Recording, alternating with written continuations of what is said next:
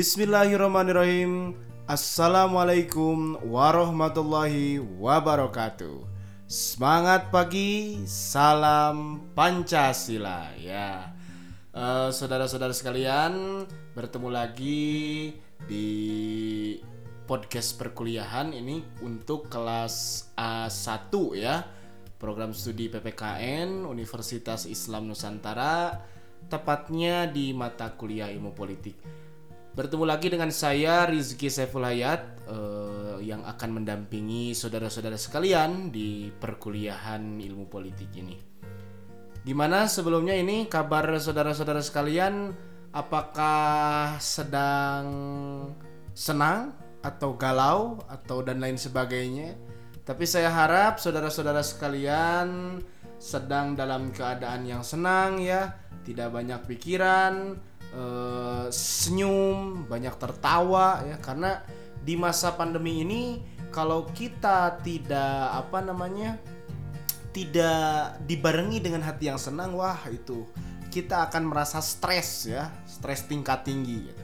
makanya eh, saya harap saudara-saudara sekalian di masa pandemi ini lakukan hal-hal yang membuat saudara eh, apa namanya senang gitu dan terutama ini saya yakin untuk mahasiswa khususnya yang membuat senang itu belajar, selalu belajar, mengeksplor segala sesuatu yang bermanfaat bagi diri kita, terutama eh, dalam penguatan ilmu pengetahuan yang ada dalam diri kita semua.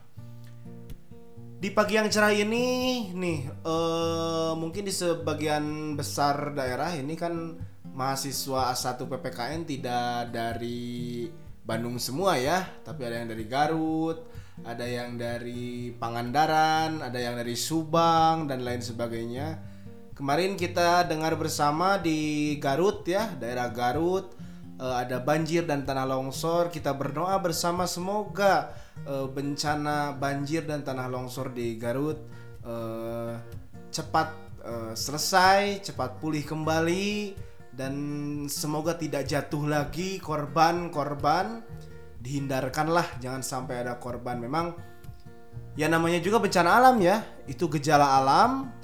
Kita tidak pernah bisa memprediksi. Yang kita bisa adalah mengatasi ketika bencana itu datang. Jadi tetap eh, kalau bahasa kerennya stay safe ya. Bu- eh, untuk sekarang bukan saja stay safe sama corona tapi stay safe eh, sama bencana ya dan lain sebagainya Baik, saudara-saudara sekalian, sebelum saya lanjut kepada perkuliahan, ya, ini saya ingin membahas dulu eh, tugas yang kemarin ya. Nah, kemarin itu memang ada beberapa tugas ya yang dikembalikan karena memang eh, konsep-konsep yang di analisis oleh saudara dibuat peta konsep itu kadang ada yang peta konsepnya cuma bikin satu. Nah, yang saya ingin setiap konsep itu satu peta konsep. Mengerti ya? Nah, ini belajar konsep pokok ilmu politik masih ada dua pertemuan lagi. Eh, pertemuan yang kemarin, terus yang sekarang dan satu lagi nanti ya minggu depan. Nah, tugasnya nanti relatif sama membuat peta konsep. Kenapa sih Kang bikin peta konsep? Kalian lihat nggak? Ketika bikin peta konsep, kalian membuat bukan hanya bikin garis-garis eh, yang menghubungkan antara satu dengan yang lain, tapi menghubungkan satu indikator dengan indikator yang lain sehingga membangun pemikiran kalian. Sebenarnya itu sama saja dengan membaca. Cuman kalau membaca, tidak semua orang membaca itu langsung mengerti. Makanya ada media peta konsep. Ketika menggambar dengan peta konsep, akan ada sekitar 70% apa yang kita gambarkan itu ingat dalam pikiran kita.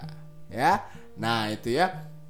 Jadi em, membuat peta konsep itu justru melatih keterampilan berpikir analitis ya. Eh, kakak-kakak kalian pernah ada yang meneliti bagaimana eh, perkembangan keterampilan berpikir kritis melalui metode peta konsep. Memang bagus gitu ya. Eh, itu menjadi kita itu mengkonstruk ketika apa sih kekuasaan dibuat peta konsep sehingga sih kita mengerti nanti kekuasaan akan berhubung dengan uh, pengaruh, akan berhubung dengan kedudukan, akan berhubung dengan kekayaan, akan berhubung dengan jabatan. Nah, itu semua dihasilkan melalui peta konsep. Nah, itu ya. Oke. Kemarin kita sudah belajar 6 konsep konsep pokok ya ada kekuasaan kedaulatan negara kontrol sosial terus dan lain sebagainya sekarang kita lanjut lagi masih ngobrolin masalah konsep-konsep pokok ilmu politik. Di sini silakan boleh dibuka juga modulnya ya saudara-saudara sekalian. Ada lima lima konsep yang akan kita obrolin nah, sekarang ya.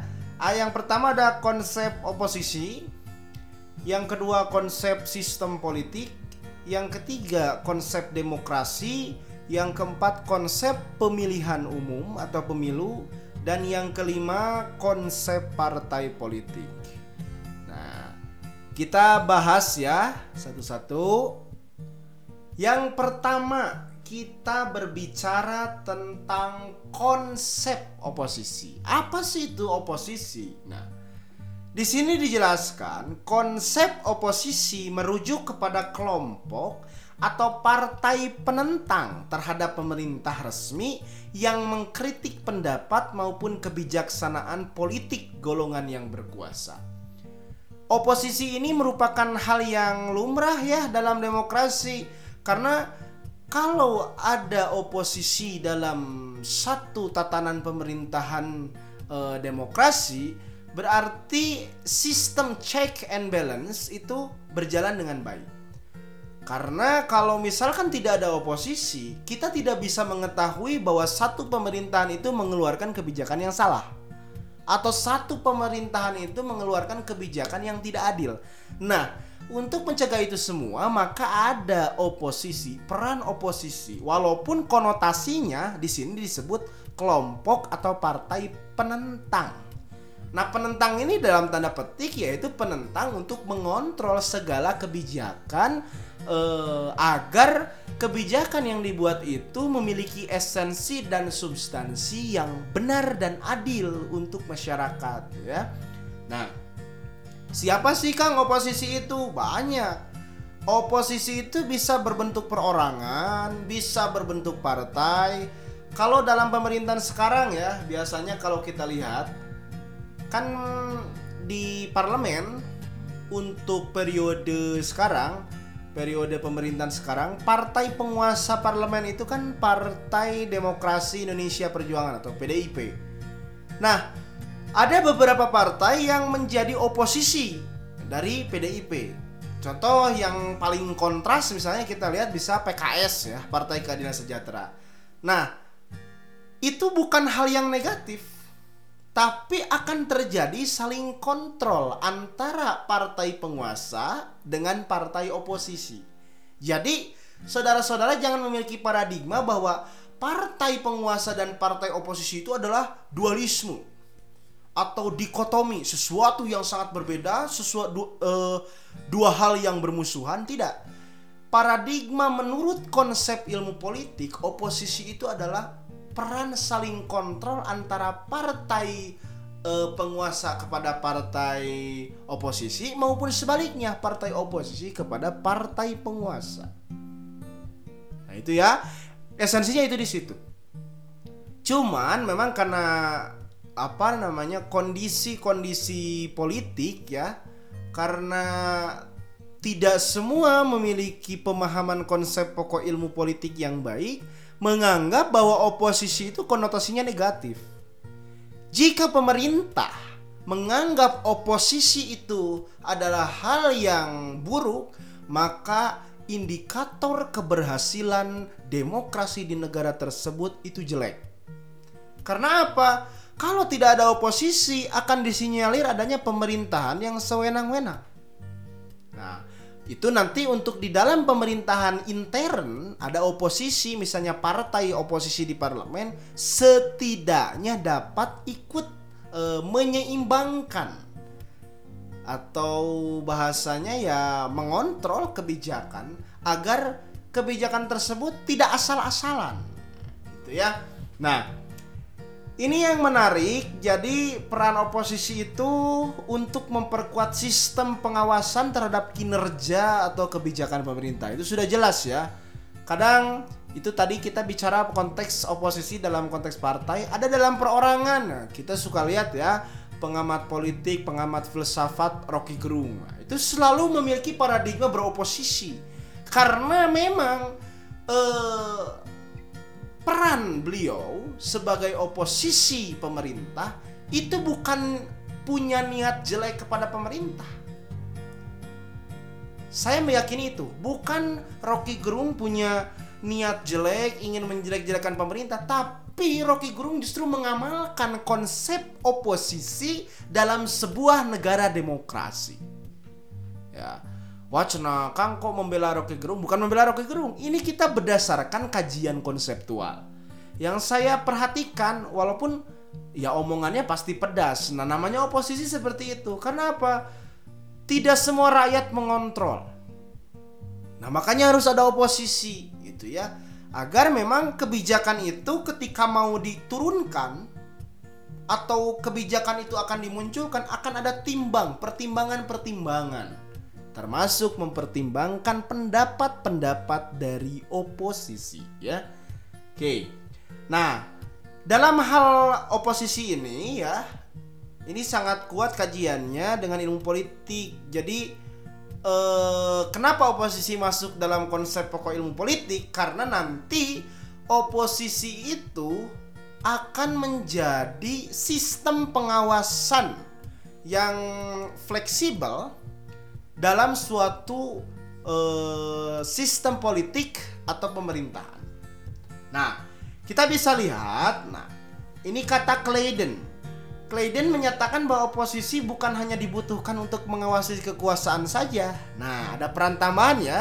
Tadi kita paradigmanya bahwa oposisi itu mengawasi kekuasaan pemerintahan. Tapi kalau kata Clayden ada lagi selain itu Oposisi itu disebutnya advocatus diaboli atau devil's advocate yang berperan sebagai setan yang menyelamatkan kita justru dengan mengganggu kita terus-menerus. Jadi ini apa um, lumayan menggelikan gitu ya bahwa oposisi itu setan setan dalam konteks yang selalu mengganggu suatu pemerintahan mengganggu suatu pemerintahan tapi justru untuk kebaikan pemerintahan tersebut. Karena kalau pemerintahan tersebut tidak diganggu, maka akan berjalan terus tanpa adanya koreksi ketika pemerintahan tersebut salah. Makanya memang demokrasi itu bukan artinya kita harus mengangguk, tapi ada kalanya kita harus mengganggu.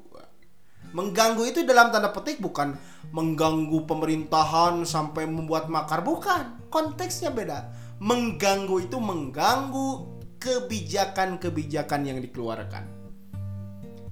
Mengganggunya bukan anarkis dan lain sebagainya. Awas ini jangan salah konsep. Mengganggu dengan pemikiran kita.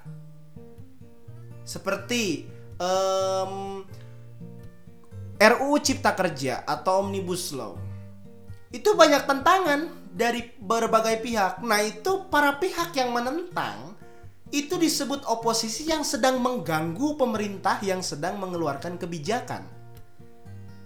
Ganggunya itu, mengganggunya itu adalah untuk memvalidasi kembali itu RUU itu apakah sudah cocok untuk negeri kita atau tidak.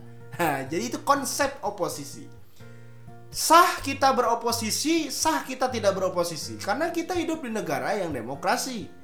Jadi jangan sampai orang yang beroposisi itu dianggap orang yang jelek dan tidak. Belum tentu orang yang tidak beroposisi juga baik. Nah, seperti itu ya. Oke. Pernyataan tadi Clayden tentang Devil's Advocate itu mengandung makna bahwa sifat oposisi itu selalu menelisik selalu mengkritik semata-mata untuk menyelamatkan suatu kebijakan dari potensi kesalahan dan ketidakadilan. Nah, ini khas ya. Makanya orang-orang yang oposisi itu disebutnya oposan ya. Orang-orang oposan itu lebih selalu memiliki kemampuan berpikir kritis, analitis, kreatif dan solutif. Karena memandang segala sesuatu dari sudut pandang, memandang sesuatu yang akan dikeluarkan untuk diterapkan di, uh, di masa depan bagaimana. Nah, itu sifat oposisi seperti itu. Walaupun ketika kita juga jangan sampai beroposisinya itu terlalu berlebihan, fanatik, malah sampai menyerang pribadi tidak. Oposisi yang dimaksud adalah dalam konteks pengambilan kebijakan publik Tuh ya. Nah, ini ada kalimat saya bahwa peran utama oposisi menjadi sangat penting karena berusaha menelanjangi ya dalam tanda kutip kebijakan-kebijakan pemerintahan untuk menekan seminimal mungkin kerugian yang ditimbulkan dari suatu kebijakan tersebut. Penting itu oposisi. Kalau suatu negara demokrasi tidak ada oposisi, ya itu justru dipertanyakan uh, nafas demokrasinya itu dipertanyakan ya. Nah, jadi oposisi itu menjadi pedoman moral ya. Jadi kalau ini mah nahkoda ya. Bukan nahkoda sih. Asisten nahkoda ya, karena nahkodanya itu pemerintah. Nah, asisten nahkodanya itu adalah oposisi karena tidak selamanya nahkoda tahu arah angin. Contohnya logikanya seperti itu. Maka ada asisten nahkoda yang mengingatkan ketika oh di depan kita akan ada badai. Nah, jadi oposisi itu awas. Saudara-saudara sudah belajar konsep ilmu politik, jangan mengartikan atau e, mengkonotasikan oposisi itu negatif. Awas, tidak. Justru oposisi itu ya bisa bersahabat dengan pemerintah tapi dalam arti bersahabat secara uh, apa namanya? Ya secara etika. Jadi jangankan kita jangan sampai kita beroposisi tapi wah kita menyerang pribadi kita sudah tidak memakai etika dan moral tidak. Yang dipakai dalam beroposisi adalah sudut pandang ketajaman pemikiran dalam menganalisis dan menelisik suatu kebijakan Tuh ya. Nah, itu adalah konsep oposisi. Bisa jadi misalkan Muhammad Rizal sekarang saya beroposisi pada pemerintahan sekarang. Tiba-tiba pemerintahannya nanti sudah habis lalu ada pemerintah baru, tiba-tiba eh, Muhammad Rizal tidak jadi oposisi. Nah, itu peran oposisi itu tidak selamanya mutlak. Kadang periode sekarang dia beroposisi, tapi periode uh, ke depan dia malah berkoalisi. Sebaliknya seperti itu. Itu adalah sah. Kita mau berkoalisi atau kita beroposisi sah itu dalam negara demokrasi. Yang tidak sah itu ketika kita beroposisi tapi sampai merusak persatuan dan kesatuan bangsa. Nah, itu adalah oposisi yang salah. Karena oposisi itu sekali lagi adalah perbedaan cara e, cara pandang pemikiran, bukan untuk mem, e, memecah belah persatuan. Awas. Itu konsep untuk oposisi yang dipahami anak PPKN selalu selalu seperti itu. Oke. Nah, itu tentang oposisi ya. Ini saya yakin saudara-saudara mengerti tentang konsep oposisi. Yang kedua, konsep sistem politik. Ini sebetulnya sistem politik ini akan ada mata kuliahnya secara khusus semester depan ya, semester 2. Yaitu mata kuliah namanya Sistem Politik Indonesia. Itu adalah mata kuliah lanjutan setelah mata kuliah ilmu politik. Makanya nanti saudara-saudara kalau ilmu politik ini tidak lulus, saudara di semester depan tidak akan bisa mengambil sistem politik Indonesia. Jadi semoga lulus semua ya. Nah, konsep sistem politik merupakan suatu istilah yang mengacu kepada semua proses dan institusi yang mengakibatkan pembuatan kebijakan publik. Nah, konsep sistem politik ini dititik beratkan kepada proses lahirnya suatu kebijakan publik. Karena ketika berbicara sistem, ya kita berbicara proses. Itu saudara-saudara sekalian, itu bisa menjadi suatu kajian dalam wilayah ilmu politik. Ya pastilah ketika berbicara ilmu politik, pasti sistem politik itu berkaitan sangat dengan kajian ilmu politik. Nah, proses perjalanan kebijakan ini akan menciptakan suatu dinamika dalam sistem politik di suatu negara. Dalam kajian ilmu politik, sistem politik merupakan bagian dinamis dari kajian politik itu sendiri. Oke. Nah, di sini ketika berbicara suatu sistem akan ada komponen-komponen yang satu dengan yang lain yang saling bertautan dan berhubungan. Apa saja Kang komponen-komponen di dalam sistem politik? Yang pertama, ada orang yang diatur. Ada pejabat yang memiliki wewenang. Ada proses politik, ada struktur pemerintah dan ada proses pembuatan kebijakan. Jadi dalam proses pembuatan kebijakan yang di mana halnya mem, me, apa namanya melalui sistem politik harus ada dulu orang-orang yang akan diatur oleh kebijakan tersebut. Masa iya kita bikin kebijakan tapi tidak ada orang-orangnya yang akan nanti diterapkan kebijakan.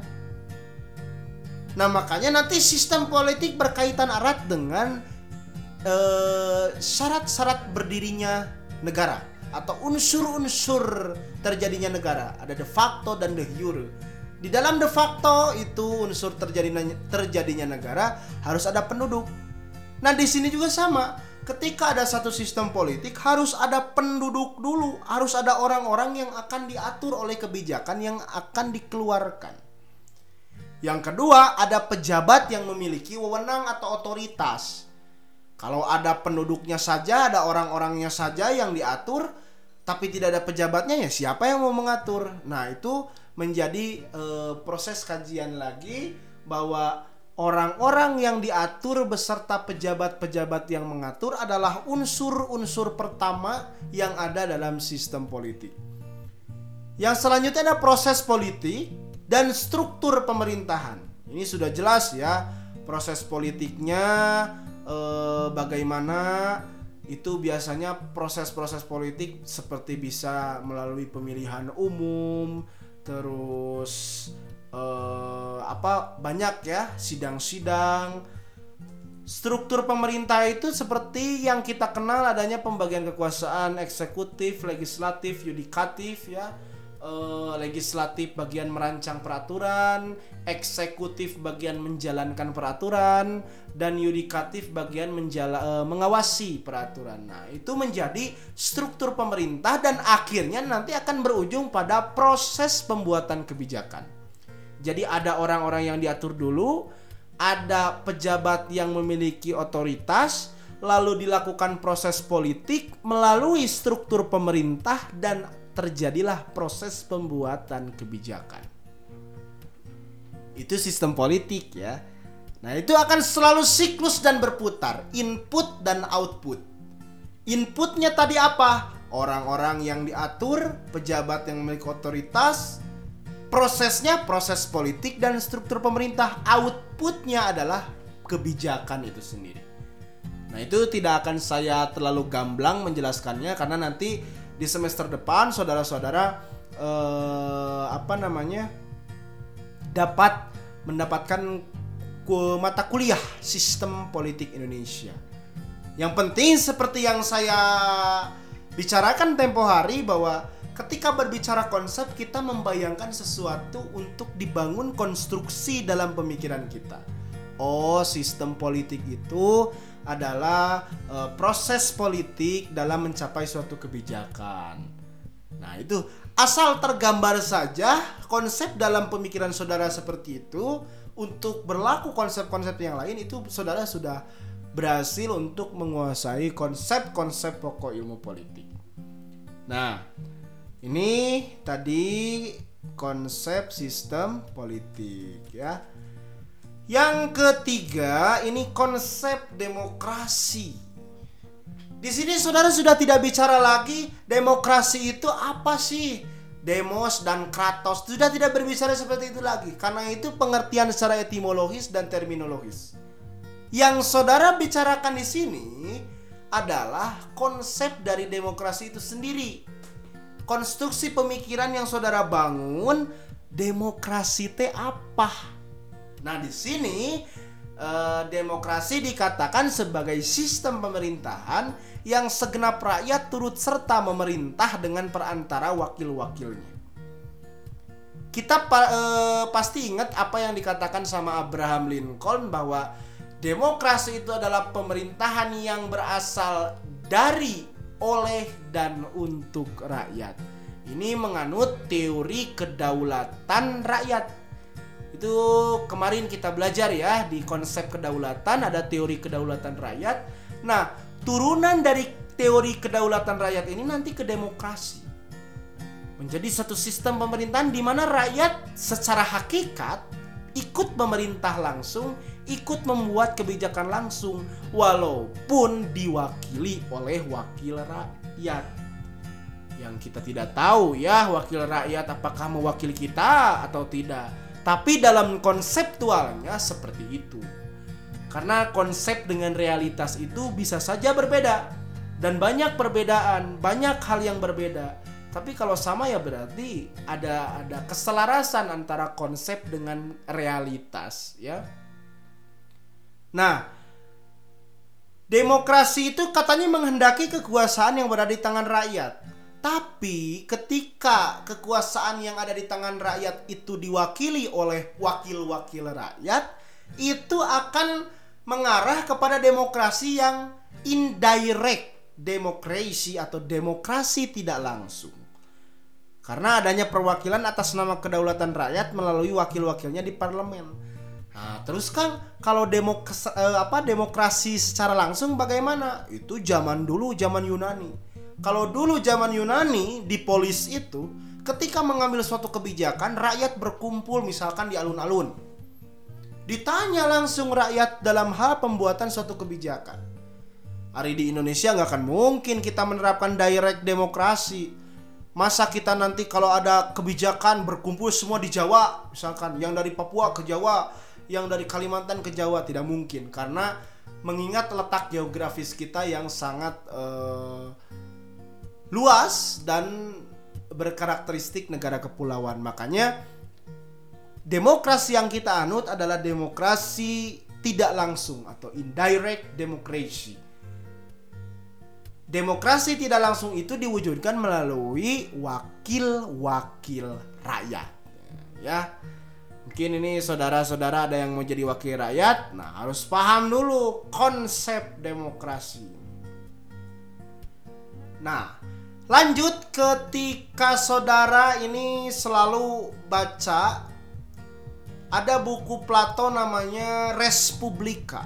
Nah, di situ Plato menuliskan bagaimana awal terjadi dan awal munculnya konsep demokrasi. Malah kata Plato di buku itu demokrasi dianggap sebagai sistem pemerintahan paling buruk. Karena apa? Kedaulatan atau keputusan berada di tangan rakyat yang bermacam-macam pikiran, yang bermacam-macam prinsip, dan yang bermacam-macam sudut pandang. Nah, itu kan Eh, bisa berpotensi juga ketika pengambilan kebijakan. Apakah ada yang berdasarkan kepentingan sendiri atau kepentingan golongan? Itu kita tidak tahu ya. Nah makanya kata Plato di buku Respublika demokrasi adalah sistem pemerintahan paling buruk tapi demokrasi dipandang untuk uh, zaman sekarang ya zaman kontemporer dipandang menjadi satu slogan terhadap bentuk pemerintahan yang ideal karena jiwa demokrasi itu dari, oleh, dan untuk rakyat. Barijeng tekitu di Indonesia mah. Karena apa? Demokrasinya tidak langsung. Nah, setelah Perang Dunia Kedua, sekitar tahun 1949, eh, UNESCO mengadakan penelitian dan menyatakan bahwa pertama kali dalam sejarah demokrasi dinyatakan sebagai nama yang paling baik dan wajar untuk semua sistem organisasi politik dan sosial yang diperjuangkan oleh pendukung-pendukung yang berpengaruh. Jadi setelah Perang Dunia Kedua, hampir semua negara-negara di dunia itu memandang sistem demokrasi sebagai sistem pemerintahan. Uh, sega, uh, apa namanya? sehingga timbul bahwa kalau negara ingin ideal harus jadi negara demokrasi. Nah, sehingga timbul ajaran-ajaran seperti itu.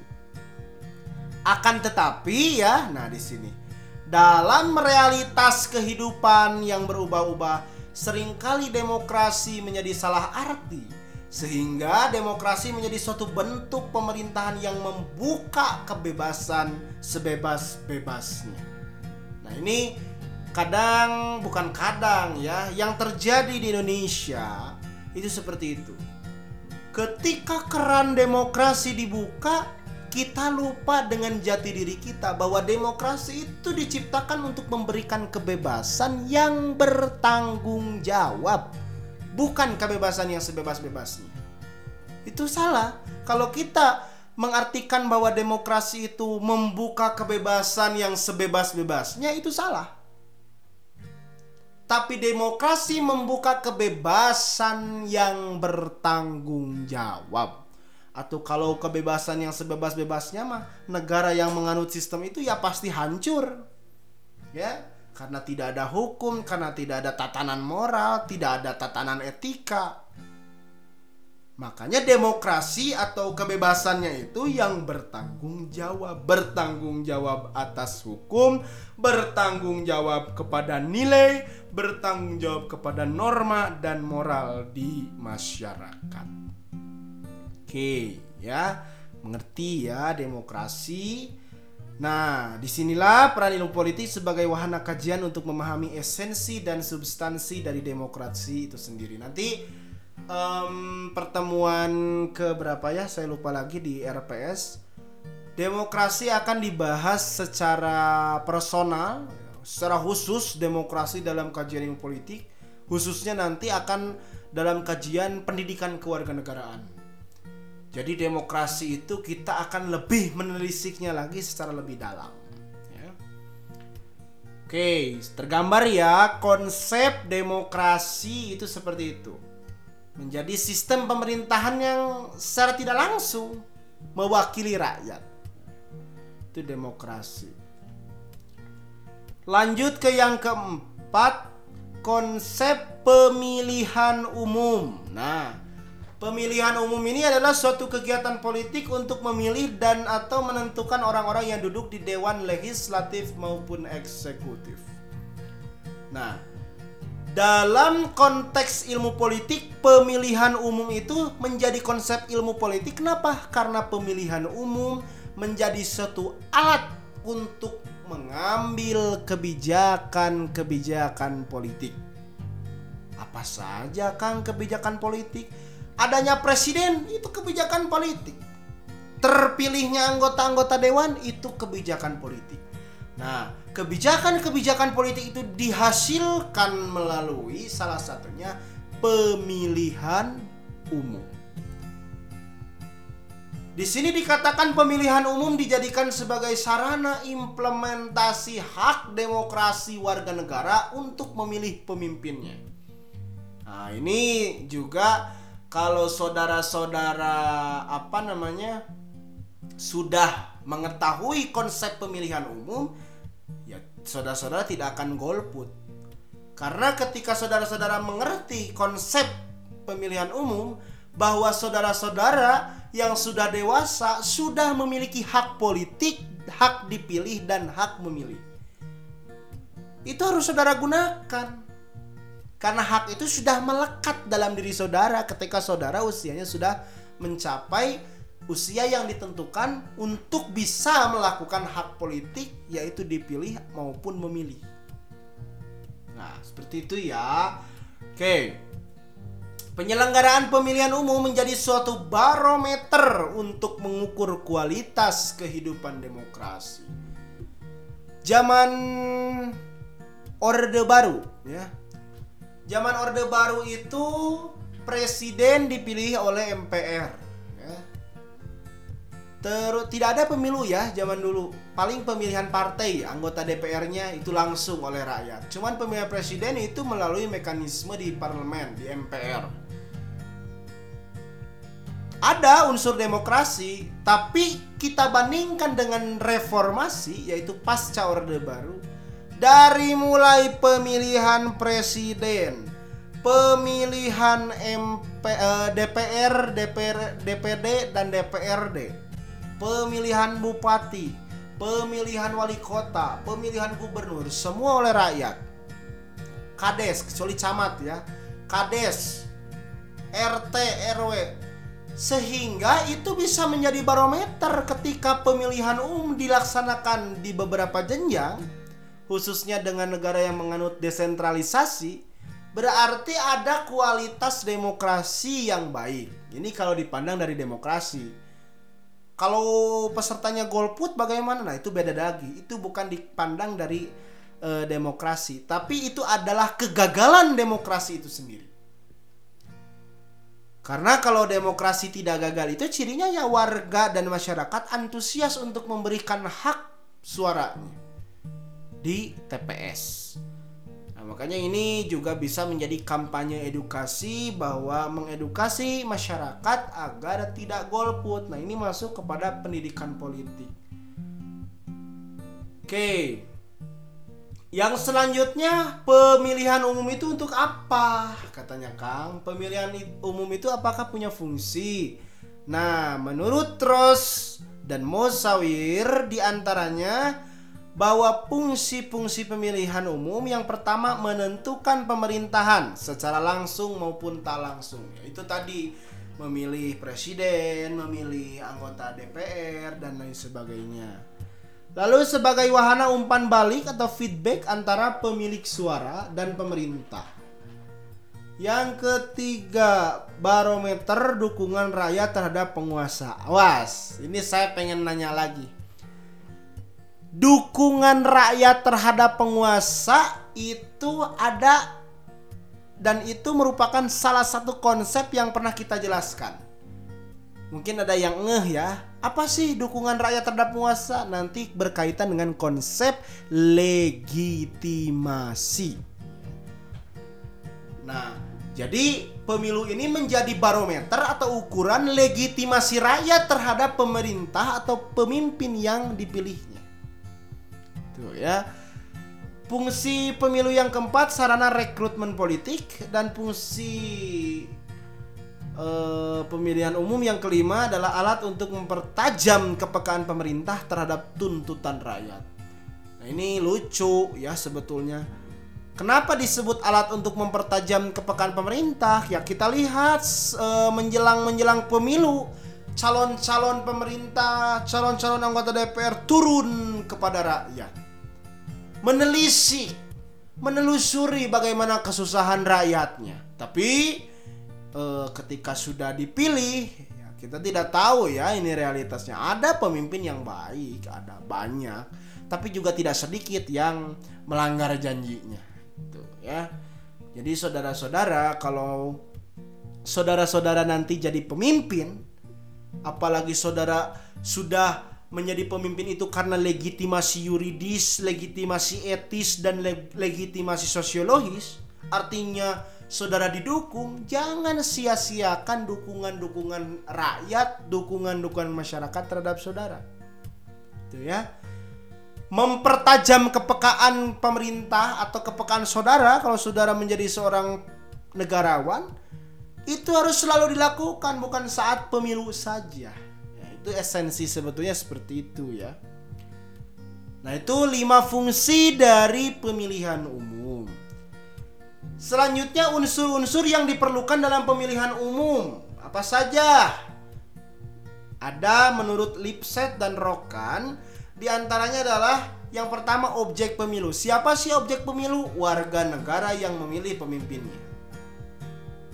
Yang kedua, sistem kepartaian atau pola dukungan yang menjadi perantara antara pemilih suara, pemilik suara dan elit atau para pejabat publik. Nah, sering kali kan kita kalau memilih pemimpin kita melihat latar belakang partai. Kecuali kalau milih anggota DPD ya, karena sifatnya itu independen. Kalau milih anggota DPR, milih presiden, pasti ada partai-partai pendukung yang akan menjadi acuan bagi para pemilih. Nah, itu menjadi perantara gitu. Untuk uh, para pemilih dan elit-elit pejabat publik. Yang ketiga adalah sistem pemilih sistem pemilihan atau electoral system yang menerjemahkan suara-suara menjadi kursi jabatan di parlemen atau uh, pemerintahan. Ini kita kenal kayak kemarin yang rame-rame parliamentary threshold. Itu dalam pemilu itu ditentukan.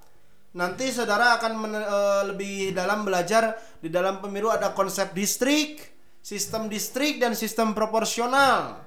Itu eh, kita yang mana? Nah, itu nanti saudara-saudara juga bisa mencarinya dalam literatur-literatur tapi karena mata kuliahnya ini dasar nanti di sistem politik itu akan lebih diperdalam lagi yang penting saudara mengerti saja konsep seperti tadi membangun dalam pemikiran saudara bahwa oh pemilihan umum itu adalah suatu proses politik untuk memilih pemimpin dalam konteks demokrasi tentunya ya oke. Nah, ini konsep yang terakhir adalah konsep partai politik. Ini kita kalau berbicara partai politik ya pasti ada di sekitar kita ya, banyak partai politik.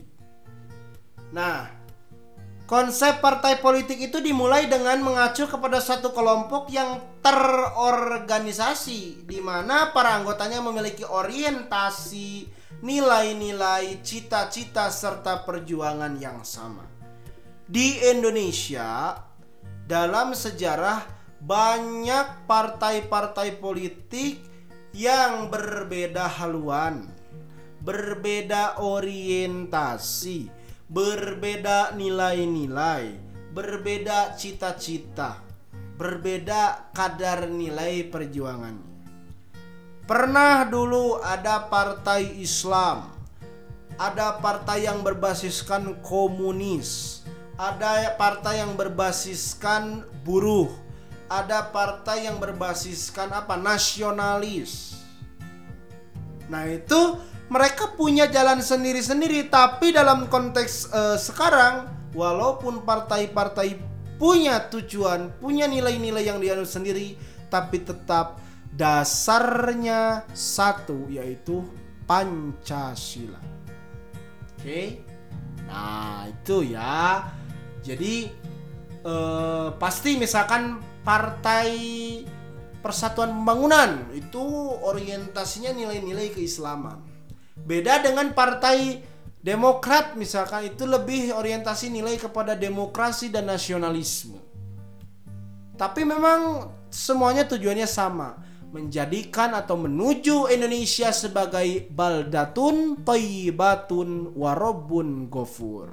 Wah, ya negara yang adil makmur, gemah ripah loh jinawi, aman santosa, kerta lan raharja. Tuh ya. Nah, partai politik ini menjadi kendaraan bagi warga negara yang ingin menggunakan hak politiknya, khususnya hak untuk dipilih Saudara-saudara ketika nanti setelah beres eh, S1 itu sudah bisa saudara-saudara ikut menjadi kadar partai politik. Tapi partai politik yang di apa namanya dilegalkan oleh pemerintah, jangan partai politik yang tidak dilegalkan. Bisa saudara uh, daftar untuk apa? Untuk saudara menggunakan hak politik saudara dalam uh, konteks implementasi proses politis. Kita aktif misalnya menjadi kader partai, lama-lama ketika ada pileg atau pemilihan legislatif kita menjadi caleg. Nah, itu kendaraan. Karena apa? Kendaraan menjadi pemimpin Indonesia sampai saat ini adalah partai politik. Ada lembaga yang tidak memakai partai politik apa? Dewan Perwakilan Daerah itu sifatnya independen. Tapi kalau DPR, DPRD, baik provinsi atau kabupaten kota, eh, presiden, gubernur, bupati itu semua rata-rata harus memiliki kendaraan partai politik. Nah ini setiap partai politik memiliki tujuan masing-masing yang khas. Itu tadi ya yang saya bicarakan Untuk memperjuangkan cita-cita politiknya terutama dalam proses pengambilan kebijakan. Nah makanya Contoh ya Partai penguasa di DPR Itu misalkan berhaluan nasionalis. Otomatis kebijakan-kebijakan yang uh, dihasilkan tidak akan jauh jiwanya dengan jiwa partai tersebut. Itu bisa jadi satu asumsi atau bisa jadi teori. Ya kalau misalkan partai Islam yang menguasai DPR, partai-partai berbasiskan Islam, itu kebijakan-kebijakan pasti tidak akan jauh akan berjiwa nilai-nilai keislaman. Itu konsepnya di situ. Makanya sebegitu pentingnya haluan atau orientasi atau cita-cita partai politik di parlemen. Walaupun kata saya tadi wakil rakyat itu mewakili rakyat bukan mewakili partai, tapi realitasnya ha, siapa yang bisa menjawab itu? Realitasnya tidak seperti itu. Masih ada kepentingan-kepentingan partai yang ingin diperjuangkan. Dalihnya ya partai juga memperjuangkan untuk rakyat. Itu adalah bahasa-bahasa politis. Nah, itu makanya saudara harus menjadi seorang negarawan, bukan politikus, ya. Di sini terakhir Miriam Budiarjo menyatakan bahwa partai politik memiliki beberapa fungsi di antaranya sebagai sarana komunikasi politik, sarana sosialisasi politik, sarana rekrutmen politik dan sebagai sarana pengatur konflik. Nah, ini yang sarana uh, fungsi yang terakhir bahwa partai politik bisa menjadi sarana pengatur konflik ya. Realitasnya kita bisa lihat kadang partai-partai politik ya ada yang di kongresnya malah bertengkar, di munasnya malah bertengkar. Nah, itu berarti salah satu fungsi sudah dilanggar sebagai pengatur konflik. Harusnya mah partai politik mengatur eh, sebagai pengatur konflik untuk menyelesaikan konflik-konflik yang ada di masyarakat. Nah, itu partai politik juga bisa berperan. Jangan bi eh, apa namanya? Jangan mikirnya politik itu hanya kendaraan saja untuk eh, menjadi caleg, menjadi bupati bukan Bahkan kita bisa mendidik masyarakat agar melek politik melalui partai politik. Ah, jadi e, luas ya. Nanti di semester 3 ada mata kuliah pendidikan politik. Wah, itu akan lanjutan dari sini. Itu saudara-saudara akan bukan berbicara lagi politik secara konseptual, tapi bagaimana caranya menjadikan masyarakat melek terhadap politik untuk bisa berpikir kritis menanggapi situasi politik di negara kita.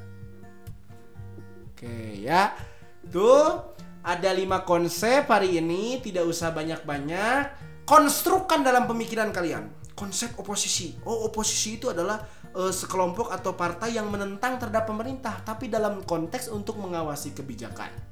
Oh, itu oposisi. Sistem politik, proses politik untuk mencapai suatu kebijakan politik.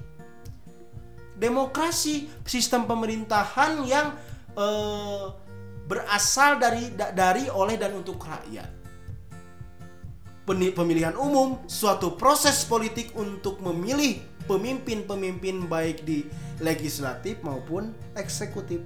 Dan yang terakhir partai politik adalah sekelompok orang atau suatu kelompok yang memiliki cita-cita, nilai-nilai, orientasi dan perjuangan yang sama dalam mencapai tujuan-tujuan politik. Nah, itu konstruk dalam pemikiran kita semua. Artinya dibangun. Jadi, kalau berbicara konsep bukan berbicara lagi definisi, bukan berbicara lagi pengertian menurut anu menurut bukan, tapi sudah dikonsepkan sudah ada diabstraksikan oh kita sudah bisa membayangkan oh oposisi teh iya jadi kalau kita mengerti konsep oposisi ketika ada orang yang berbicara menentang pemerintah kita berpikir oh ini dia sedang beroposisi. Ha itu ya. Berarti konsep oposisi sudah tergambar di dalam diri oh di dalam pemikiran kita Oke. Ini sudah berapa? Oh 52 menit. Seperti biasa ya eh berbicara konsep ilmu politik ini tidak pernah panjang-panjang karena saya hanya ingin berusaha dengan siaran eh, radio online ini saudara eh, saudara deh saudara bisa membangun pemikiran-pemikiran ini banyak ada sekitar berapa konsep ini ya hmm, mana ya? Tunggu sebentar. Ada 16 konsep tuh. Uh 16 konsep ini harus saudara-saudara kuasai ya. Untuk nanti saudara-saudara bisa maju meneliti dan menelusuri kajian wilayah politik. Oke, di pembelajaran kali ini eh, semoga banyak manfaatnya. Nah, ini pasti saudara-saudara saya simpulkan bahwa konsep-konsep yang saudara pelajari ini akan terpakai ketika saudara-saudara di sekolah mengajarkan kepada peserta didik maupun di luar sekolah ketika saudara berbincang dengan masyarakat dan menyelesaikan masalah-masalah khususnya yang berkaitan dengan politik maupun membaca situasi politik. Jadi, namanya kuliah itu pasti ada manfaatnya, ya. Oke. Untuk apa namanya diskusi silakan kita diskusi di Google Classroom saja. Ada pertanyaan silahkan, jangan ragu-ragu. Tugas nanti akan saya kirimkan ya di Google Classroom. Nah, semoga nih jangan sampai bosan-bosan karena ya dengan pembelajaran online seperti ini indikator yang mendukungnya itu tugas terstruktur. Itu jangan jangan sampai bosan ya. Oke, saudara-saudara sekalian, terima kasih atas perhatiannya. Saya akan tutup perkuliahan podcast kali ini yang mengudara di Jalan Soekarno-Hatta nomor 530 Bandung dengan saya Rizky Saiful Hayat sebagai pengajar di mata kuliah ini. Semoga saudara-saudara tetap semangat untuk membangun konstruksi konsep-konsep ilmu politik agar menjadikan diri-diri saudara sebagai seorang negarawan. Sekian dari saya, mohon maaf bila ada perkataan yang salah. Wabillahi taufik wal hidayah. Wassalamualaikum warahmatullahi wabarakatuh. Semangat pagi, salam Pancasila.